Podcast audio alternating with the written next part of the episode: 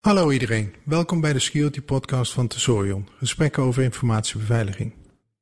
Dit is aflevering 16, opgenomen op 27 juli 2018, nieuwsoverzicht en de 10 stappen van de AVG.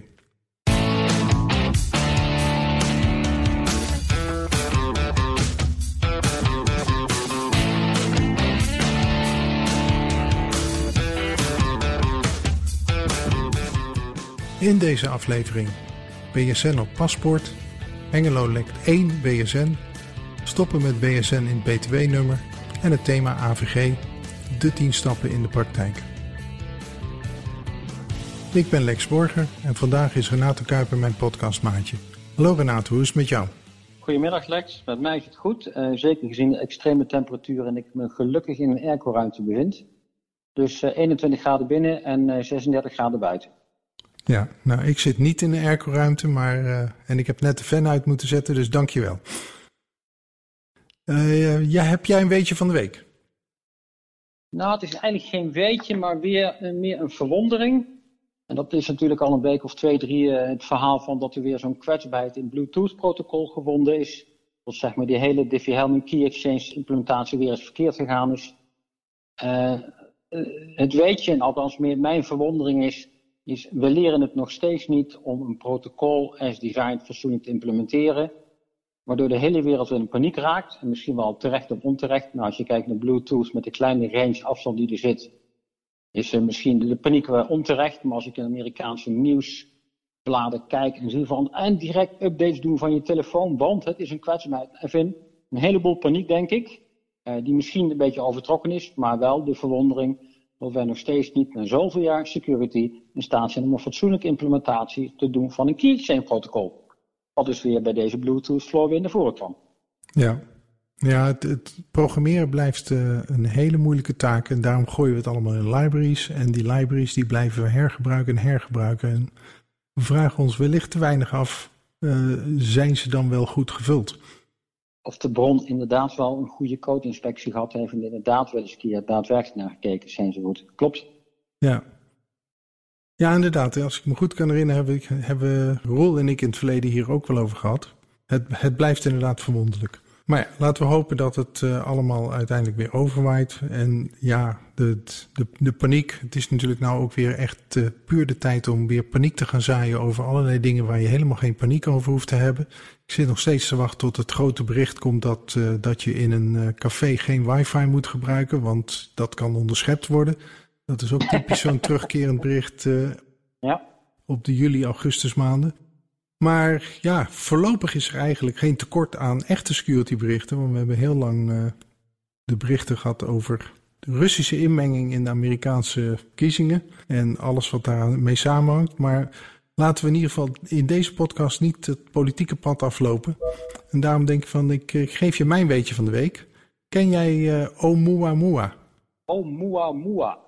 Zeg me helemaal niets. Nee, eigenlijk zou ik graag... Uh, ook gewild hebben dat Roel uh, hierop kon reageren. Want ik heb een weetje wat komt uit de astronomie. Oh. Oumuamua is een klein object. Wat uh, ja, klein in de astronomische wereld is uh, 230 bij 35 meter. Wat vorig jaar door ons zonnestelsel heen vloog. Niet gevaarlijk dicht bij de aarde is gekomen, maar wel tussen de aarde en de zon in is gevlogen.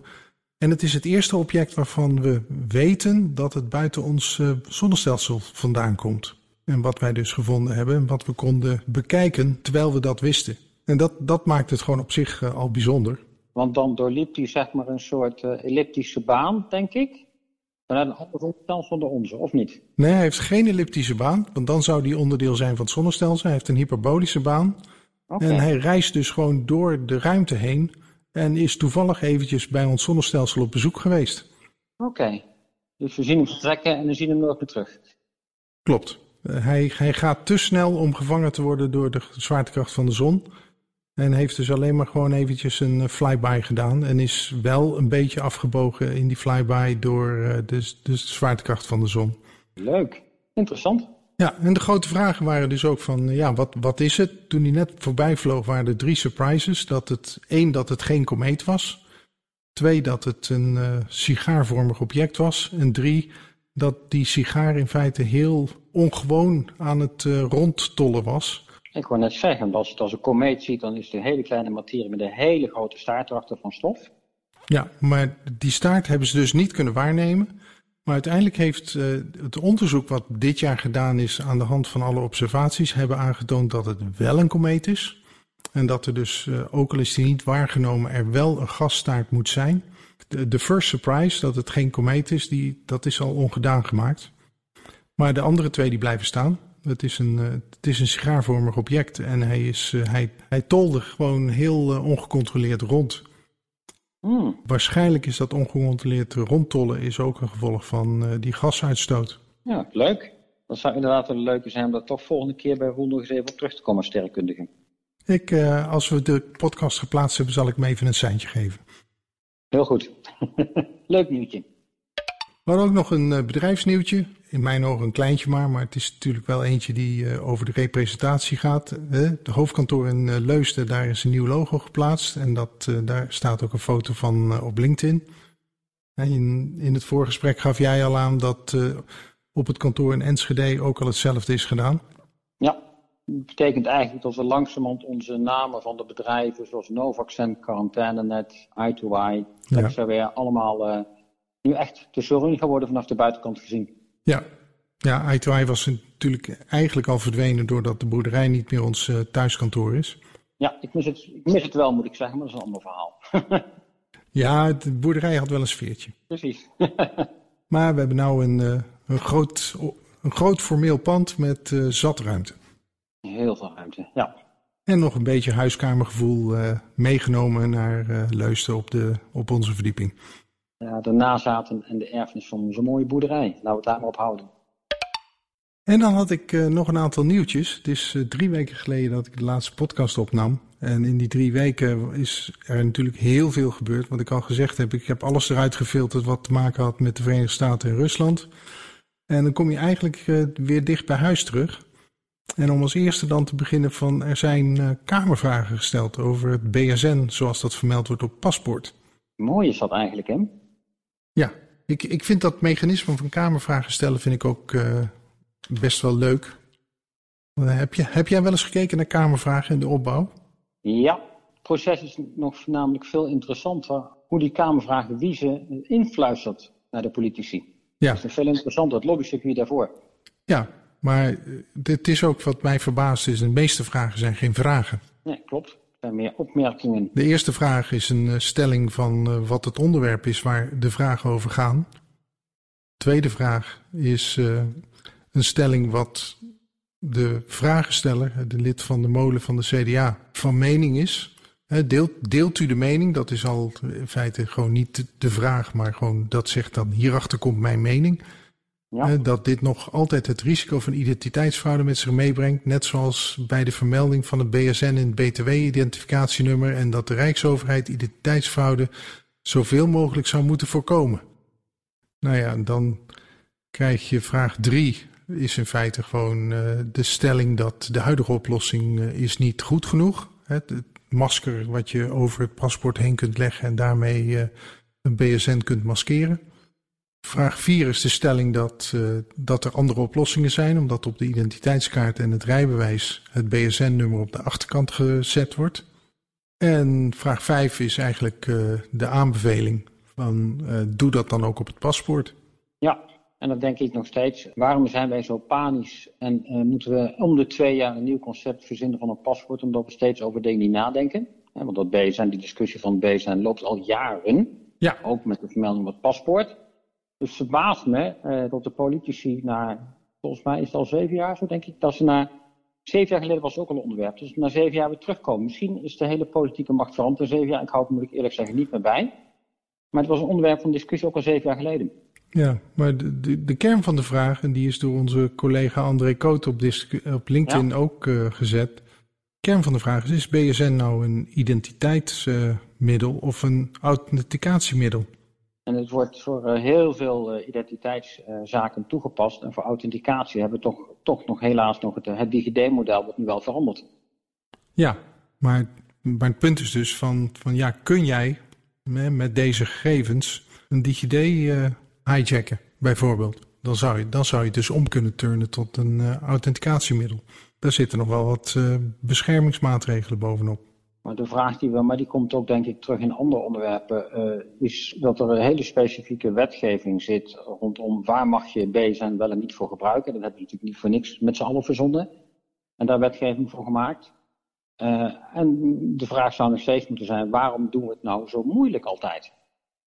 Ja. Waarom moet dat BSN maar overal op staan? Hè?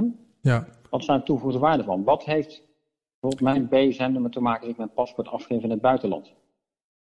Ja, in het buitenland heeft er niks mee te maken. Het maakt het iets makkelijker voor hun om uh, jouw identiteit te indexeren in de gegevens die ze toch al hebben van uh, onze overheid. Ja. Want uh, BSN is niks anders dan een, een database-index. Ja, klopt. Alleen op basis van je BSN kun je een heleboel, via dan wel mechanismen zoals DigiD en Identis, kun je een heleboel elektronische diensten aanvragen van de overheid die gekoppeld worden aan jouw index, aan je BSN.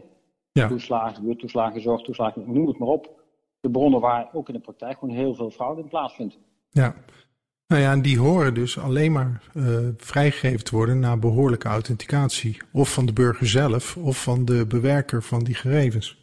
Dat klopt. Maar als je aan mij vraagt, vragen, uh, B zijn er wat paspoort, ja, waarom zou je niet gewoon op de achterkant zetten? Nee, de, achter, de achterkant is, uh, vind ik één ding. Ik, ik sta er nog steeds van te kijken dat hij er überhaupt op staat. Nou ja, eh, wat ik net zei is de vraag: waarom zou die erop moeten staan? Ja. Wat kun je daarmee? Wie doet er iets mee? Wie heeft het nodig voor een verificatie? Goeie vraag. Kijk, paspoorten worden nu elektronisch gecheckt. Die worden echt niet, ook niet aan de grens bekeken of mijn BSN-nummer klopt. Dat doen ze echt niet. Nee. Daar hebben er niet tijd voor. Nee, het, het, belangrijkste is denk ik uh, bij de plaatsen waar wij moeten laten zien in een werkverband. Omdat BSN in verband staat met uh, onze belastingen. Dat klopt, maar zelfs dan nog vullen we een aparte belastingverklaring in waar we zelf handmatig ons BSN-nummer invullen.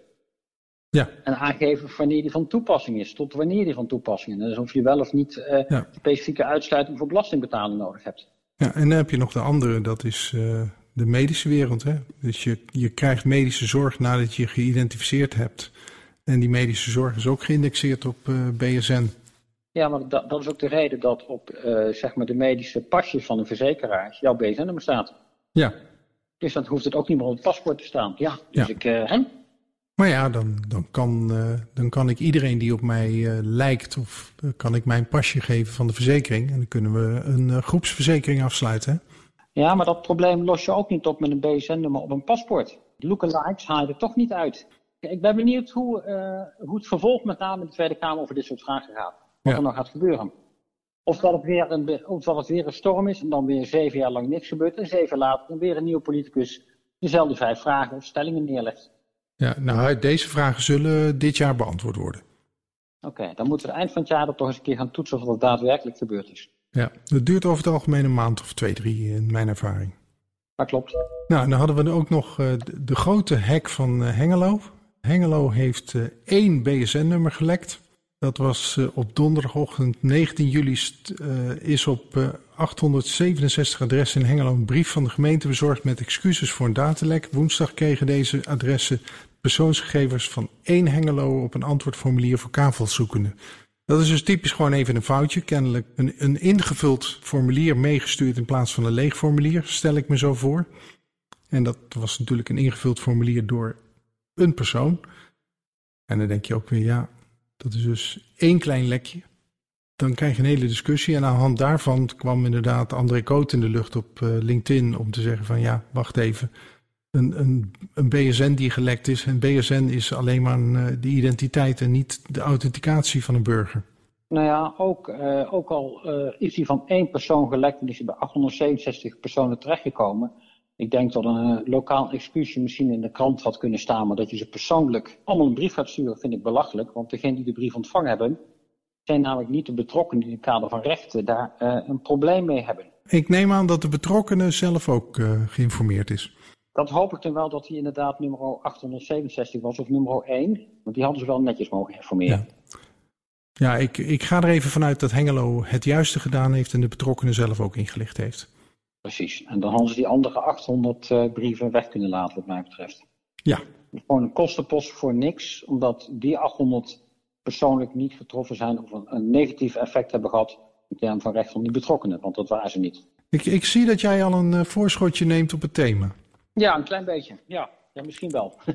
ja. ja. Ik verwonder me ook wel eens over dit soort dingen. Ja. Dat, uh, dat ze extreem doorslaan. En dat zie ik helaas ook bij AVG-implementaties. Dat klopt. Maar uh, ja, er was nog een derde nieuwtje over het BSN. Het stoppen met het BSN-nummer de, te verwerken door de Belastingdienst in BTW-nummers. Ja, dat is eigenlijk al iets wat ook in de Kamervragen genoemd werd.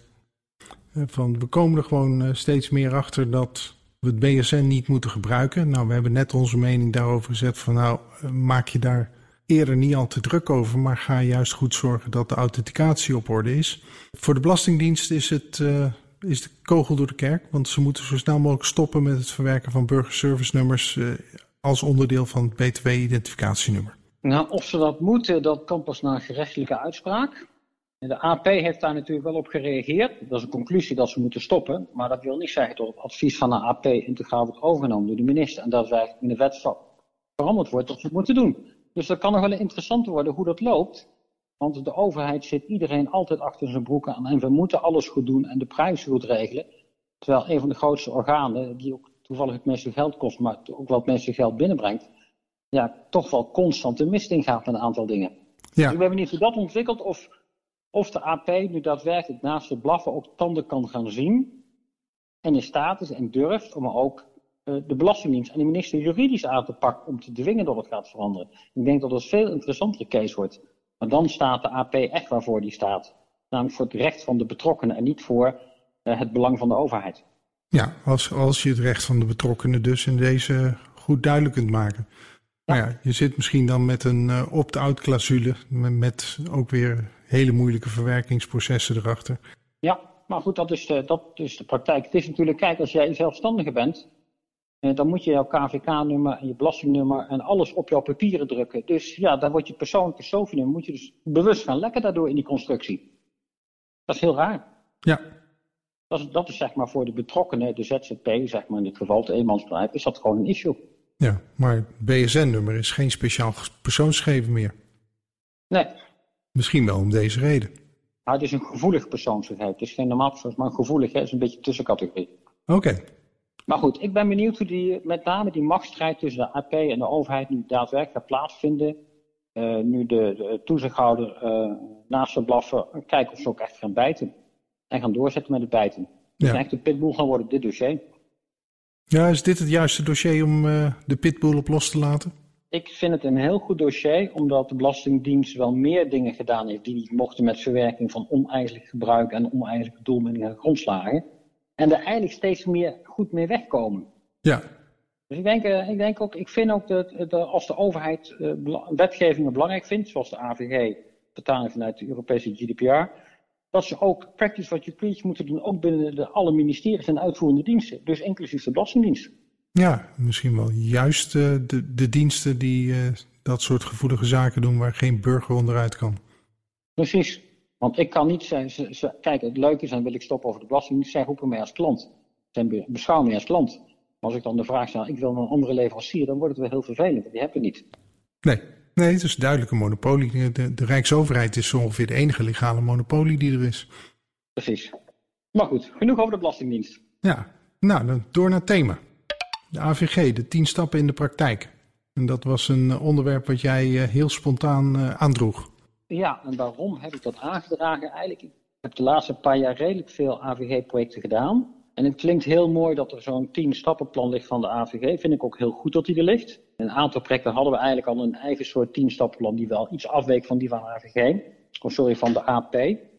Het meest belangrijke vind ik daarin, is dat we uh, gewoon moeten kijken van zijn die stappen zoals die nu bedoeld zijn, zijn die nou realistisch, haalbaar en uitvoerbaar? En waar loop je dan in de praktijk tegenaan? Want dat is namelijk veel interessanter.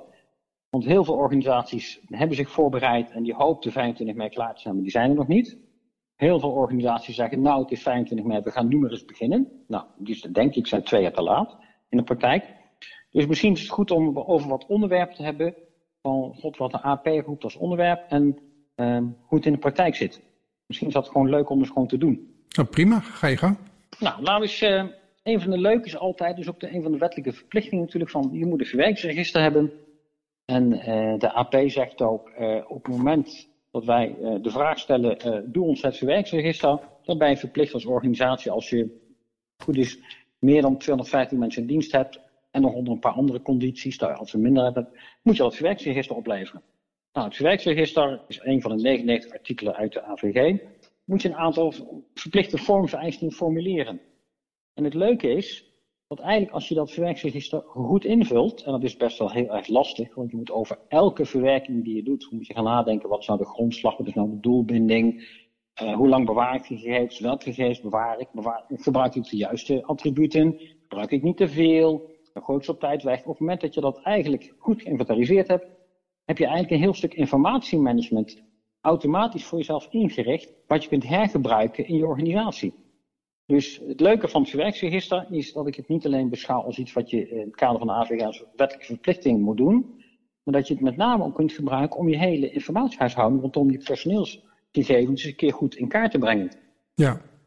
Dus dat vind ik een hele leuke. En het meest lastig is, en als je dat vanuit een top-down uh, principe neerzet, dan vraag je natuurlijk welke verwerking heb je? Ja, dan vraag je wat zijn je businessprocessen? Wat zijn je applicaties? Wat zijn je informatie? Dat is meer de architectuurgelaagdheid aanpak.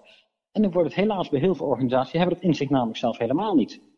Dus het feit dat ze een verwerksregister moeten opstellen, betekent ook de kans om ook je proces- en informatiearchitectuur te verbeteren kunt regelen. Ja. Dus als je die twee op orde hebt, dan kun je een verwerksregister heel snel vullen. Heb je die twee niet op orde, dan moet je met veel moeite een verwerksregister gaan vullen. Maar dan kun je als spin-off je architectuur gaan verbeteren daarna. Dus dat vind ik wel een leuk stukje binnen het verwerksregister. Ja, dus in feite als je je architectuur al op orde had, dan uh, kun je dit makkelijk invullen. Ja. En als je hem nog niet op orde had, dan uh, heb je nou de gelegenheid. Precies, wat ik in heel veel AVG-projecten en programma's zie, is dat de scope altijd AVG-focus is. En niet extensie naar buiten. Wat, wat, kunnen, wat is de toegevoegde waarde als we privacy goed ingeregeld hebben voor andere processen binnen onze organisatie? andere diensten. Dus die link moet toch een keer gaan ontstaan, denk ik, bij heel veel bedrijven. Ja. De meeste zien, zeg maar, net als bij risicomanagement. Iedereen die een beetje SAPS kent, die kijkt naar risicomanagement uh, naar, de kant, naar de kant van risico's, maar ook naar opportunities. Doe dat ook in het kader van AVG. Ja. Maar goed, dan uh, nou practice ik meer de architecten aanvlieg, maar ik vind het wel een mooi onderwerp. Ja, het, het valt me op inderdaad van iedere keer als we een zware compliance-regel krijgen, dan gaan we uit naam van die compliance-regel allerlei dingen inregelen. En dan krijg je inderdaad ook weer de, de adviezen daaroverheen. Van ga dat nou eens gewoon structureel goed regelen. Dat je al die compliance-regels in een uh, ja, informatiemanagement-structuur goed ingeregeld hebt. Ja. En in feite blijf je dat claimen. Dat klopt. Je ziet wel, het verwijkingsregister biedt, biedt dus kansen eigenlijk altijd. En een van die andere onderwerpen die ook eh, in het stapbelang van AVG staat, is bijvoorbeeld het recht van de betrokkenen moet je honoreren. Nou, dat klinkt natuurlijk heel erg mooi. Want we, natuurlijk een, eh, hadden natuurlijk in het kader van de WWP al een aantal rechten. En er zijn natuurlijk een aantal rechten bijgekomen. Maar als je nu daadwerkelijk die rechten moet gaan honoreren, dan moet je eigenlijk over een aantal dingen gaan nadenken. Op de eerste plaats niet klakkeloos elk recht wat uitgeoefend uh, zou willen worden door een betrokkenen ook daadwerkelijk uit te oefenen. Want in sommige gevallen zul je ook moeten nadenken van ja, maar mag dat recht juridisch wel uitgevoerd worden? Laat ik een voorbeeld nemen. Um, stel je voor, uh, je bent deelnemer van een pensioenfonds. Dat is hele mooi hè? Dan kun je in het kader zeggen van uh, recht van betrokkenen, ik wil inzage hebben. Nou, dan krijg je mooie gegevens. Maar je zou ook het recht bijvoorbeeld kunnen vragen, ik wil vergeten worden. Ja, in het kader van de AVG mag dat natuurlijk, die vraag mag je stellen. Maar in het kader van een overroelende wet, de pensioenwet, mag je niet vergeten worden. Want er zit een wettelijke verplichting aan dat jij gewoon geregistreerd blijft, of je dat wil of niet. Ja. Op die manier moet je dus nadenken, en dat zou elke organisatie eigenlijk moeten doen, van als ik kijk naar de rechten van de betrokkenen, welke rechten zijn er, en welke zou ik wel en niet moeten kunnen honoreren. Daar moet je al over nagedacht hebben. Dat is vaak juridische insteek. Ja. Dat is de eerste stap die je zou moeten doen. Dat is die stap die je bij het verwerkingsregister uh, al uh, bekeken hebt. Ja. En het is inderdaad zo van heel veel van de bewerkingen, zeker de bewerkingen die in de overheid gedaan worden, worden gedaan vanuit wetswegen. Uh, ja. En dan is er geen kwestie van vergeten moeten worden. En ook als je dus uh, zegt inderdaad bij financiële instellingen, ja, als jij uh, daar een rekening hebt of hebt gehad, dan zijn er gewoon wettelijke regels over hoe lang die informatie bewaard moet blijven. Dat kun je echt niet vergeten worden. Precies, dus met, zeg maar, met, met die blik op met een juridische pet snel moeten kijken naar die rechten. En dan wordt het misschien, wat je aan processen zou moeten inregelen, wordt dan misschien wat minder complex dan het nu vaak gebeurt. Want het theoretische geval kan zijn dat jij als organisatie, en dat is het meest lastige, eigenlijk niet weet hoeveel vragen ga ik krijgen en wat voor soort vragen. En hoe moet ik daarop anticiperen? Ik kan me voorstellen dat je een organisatie bent die zegt van nou, ik heb in het verleden misschien één of twee keer überhaupt een privacyachtige vraag gehad. Uh, ik ga het wel oplossen tegen die tijd dat die vraag komt. Dan ga ik er wel zo over nadenken. Want uh, ik heb tenslotte uh, 30 dagen tijd om een antwoord te geven. En dat antwoord kan ook zijn van ik heb nog geen antwoord of het is te complex, ik rek het nog eens 30 dagen en dan ga ik het oplossen. Tot, of je hebt een situatie, extreem de andere kant op, tot misschien wel uh, uh, à la uh, WOP-achtige verzoeken in één keer heel veel mensen vragen gaan stellen. En dan kom je er dus niet meer weg van ik ga het nu ad hoc oplossen. Dan moet je in één keer er een soort proces, portalarchitectuur voor hebben die dat automatisch voor je regelt. Ja. Anders krijg je het nooit uit je systemen. En je ziet ook dat de social media bedrijven, die hebben dat gedaan. Ja, dat klopt. Maar als je met name kijkt, dat zijn, en al die social media bedrijven, dat zijn eigenlijk allemaal organisaties, ik noem ze eigenlijk de, start-ups van de laatste tien jaar, die hebben geen legacy met zich meegebracht. Heel veel organisaties uh, die wij kennen, die hebben heel veel legacy. En om een recht, zeg maar, als je, als je juridisch een recht zou moeten kunnen honoreren, moet ook wel uh, het applicatielandschap het ook mogelijk maken dat de functionaliteit bestaat in de applicatie om het te doen. Anders moet je in een database misschien wel kijken. En heel veel legacy applicaties zijn natuurlijk ook niet gebouwd of ze überhaupt dat soort rechten kunnen honoreren. Nee. Dus dat betekent ook een zware inspanning in je, in je applicatiestructuur om dat aan te passen. Dus dat is dan wel een hele uitdaging. Ja, het wil we roepen, misschien al uh, twintig jaar, we moeten iets client-centric inrichten. Maar in feite is het helemaal niet client-centric ingericht, is het vaak uh, dienst-centric ingericht. En probeer een client-centric view erop te krijgen. Maar als je dienst-centric uh, je data-archief hebt, Probeer dan maar eens één client eruit te vergeten. Dat lukt je niet. Ja, dat klopt. Dus ik denk dat met name die rechten van betrokkenen, dat heb ik ook wel in de praktijk gezien, dat het een, een lastig proces is om dat goed op te tuigen, omdat je over heel, heel veel dingen na moet denken. Van moet je hem juridisch, moet je hem honoreren? Moet je hem kunnen honoreren? Heb je er proces op ingericht en kan je hele infrastructuur en zijn je processen op eigenlijk als uit kunt voeren of je nou kleinschalige hoeveelheid aanvragen krijgt of een heleboel aanvragen krijgt. Dus dat is dan wel een, voor organisaties die langer dan tien jaar bestaan, laat ik het zo maar even roepen, die veel met legacy werken, die hebben, die hebben er echt een gigantisch probleem in. Ja, maar het probleem dat hebben we nog niet gezien, dat gaan we zien.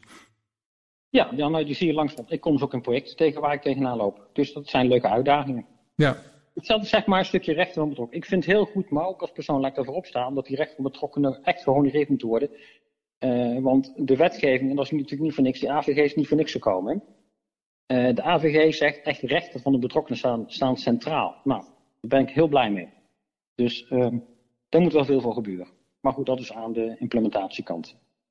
Dan zijn er ook nog een aantal andere dingen die ook wel interessant zijn om te roepen. Uh, heel vaak wordt dan geroepen, je moet een, een FG of iets dergelijks aanstellen.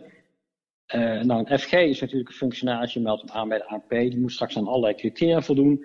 Maar ik denk dat je op het moment dat je die stap gaat uitvoeren van uh, zeg maar het benoemen van de FG ook na moet denken, hoe ga je daadwerkelijk privacy governance in de organisatie inrichten? Want als we zeg maar een analogie kijken naar security rondom informatiebeveiliging, dan zetten we vaak een CISO neer die beleid maakt en uh, die beleid controleert. Er hangt een hele staf vaak onder, ergens op verschillende niveaus, op het eerste lijn en tweede voor security managers, en security coördinatoren, en security officers of security architecten. Die zorgen daadwerkelijk dat het beleid van boven naar beneden, van strategisch, tactisch tot operationeel wordt ingevoerd. De toezichthouder, zeg maar, de FG in de organisatie, eigenlijk een soort onafhankelijke toezichthouder is, eh, die zou moeten kijken of er beleid is. De vraag is of hij hem zelf op gaan moeten stellen, dat is een leuke. Wie zou dat beleid dan moeten doen? Dus dan krijg je ook, hoe ga je die governance inrichten? Wie is nou verantwoordelijk voor het opstellen van het privacybeleid? Wie gaat nu zorgen dat privacy geïmplementeerd wordt in de organisatie? En natuurlijk kun je heel snel zeggen, net wat, wat we heel vaak in securitybeleid zien. Ja, de eerste lijn is verantwoordelijk voor risicomanagement, implementatie. Dat is leuk. Maar de eerste lijn wordt vanuit security vaak ondersteund door een CISO of door een security manager. Eh, hoe gaat de eerste lijn dat doen in het kader van privacy?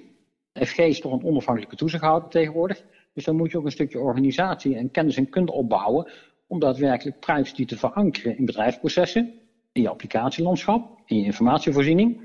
Dus ik denk dat daar nog wel een aantal rollen komen, zeg maar de privacy officer, de privacy desken, eh, om dat echt goed vorm te geven. Ja, ja, je hebt een FG niet genoeg. FG is inderdaad, jij plaatst hem uh, tweede of derde lijn. Ja. Maar je hebt, je hebt gewoon iemand nodig in die eerste lijn die los van de FG inderdaad een aantal operationele beslissingen kan nemen met een uh, behoorlijk mandaat naar het bestuur toe.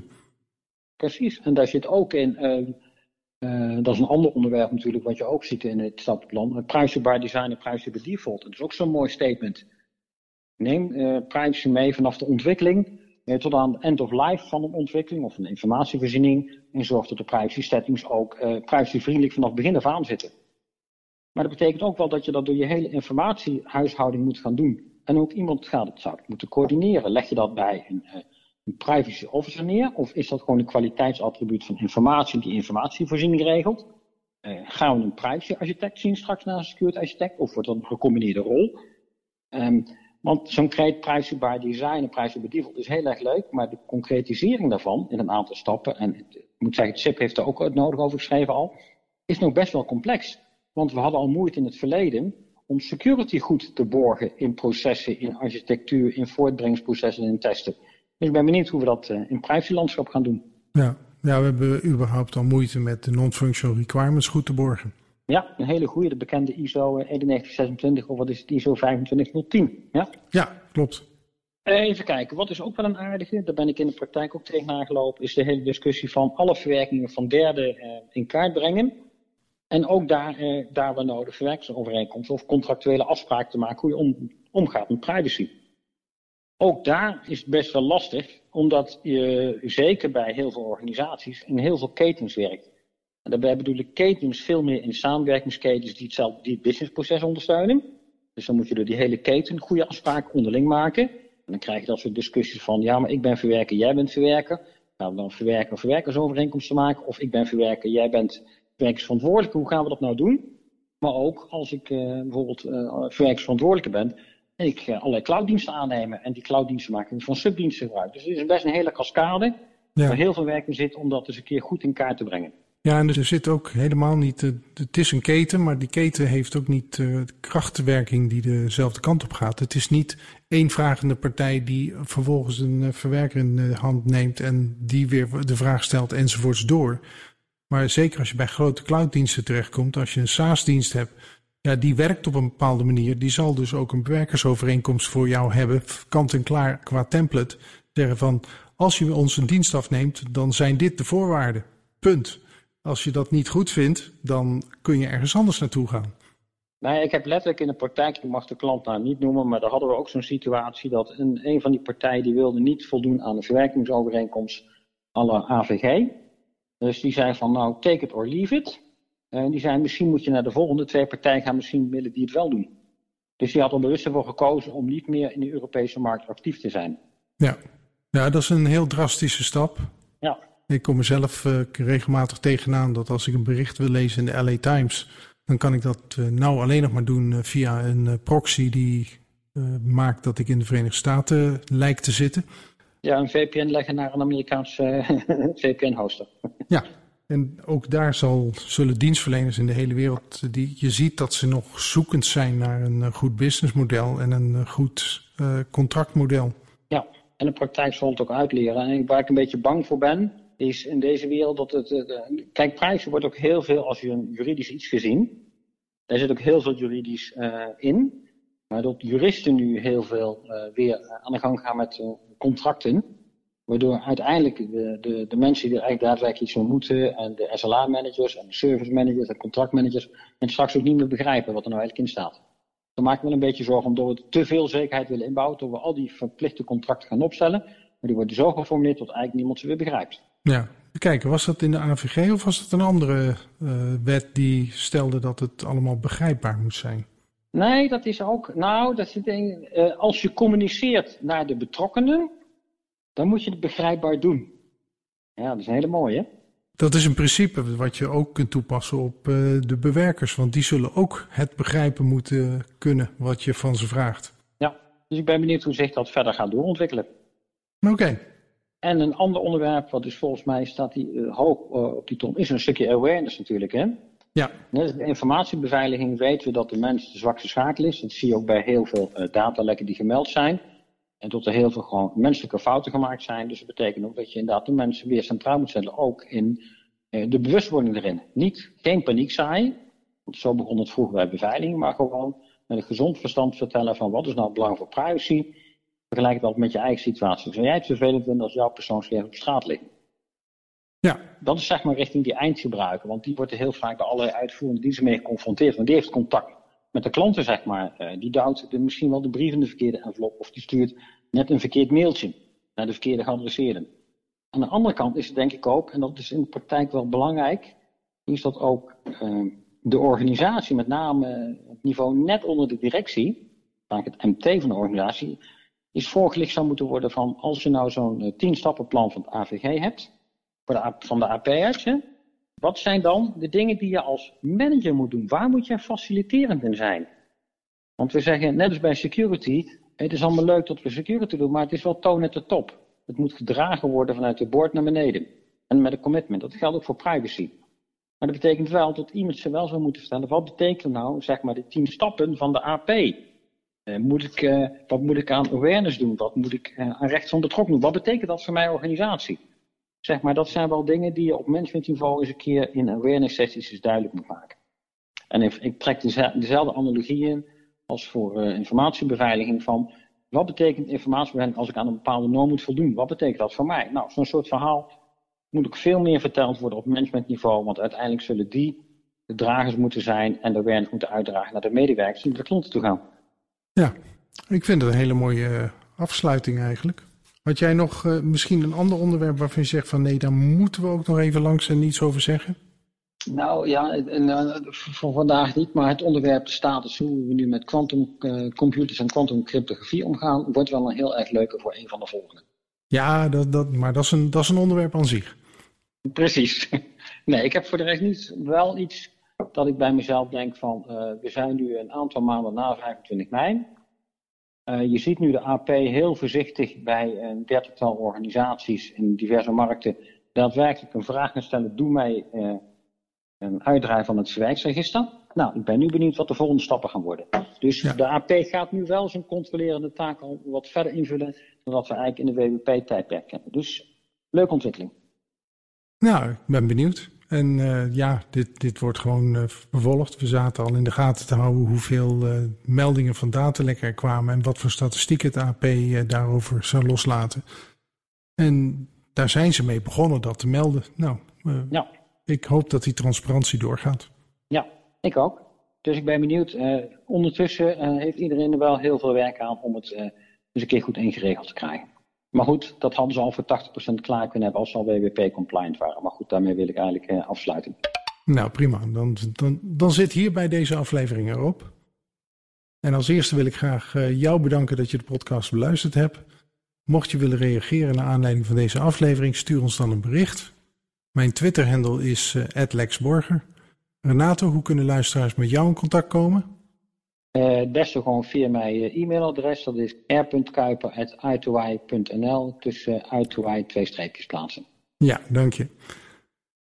Wij zijn consultants bij i2i, een Tesorion onderneming. Onze website is www.i2i.nl, zoals Renato zei, met streepjes tussen de i en de to. Deze podcast komt eens in de twee weken uit, in de vakantie wat minder vaak.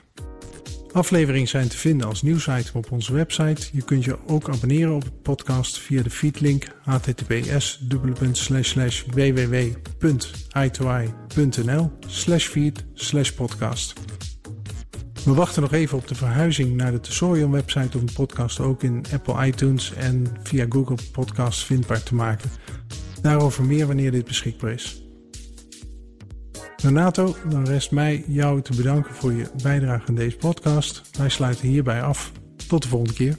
Ja, Lex, ook uh, tot de volgende keer. En dat was uh, leuk om te doen. Tot ziens. Oké, okay, hoi.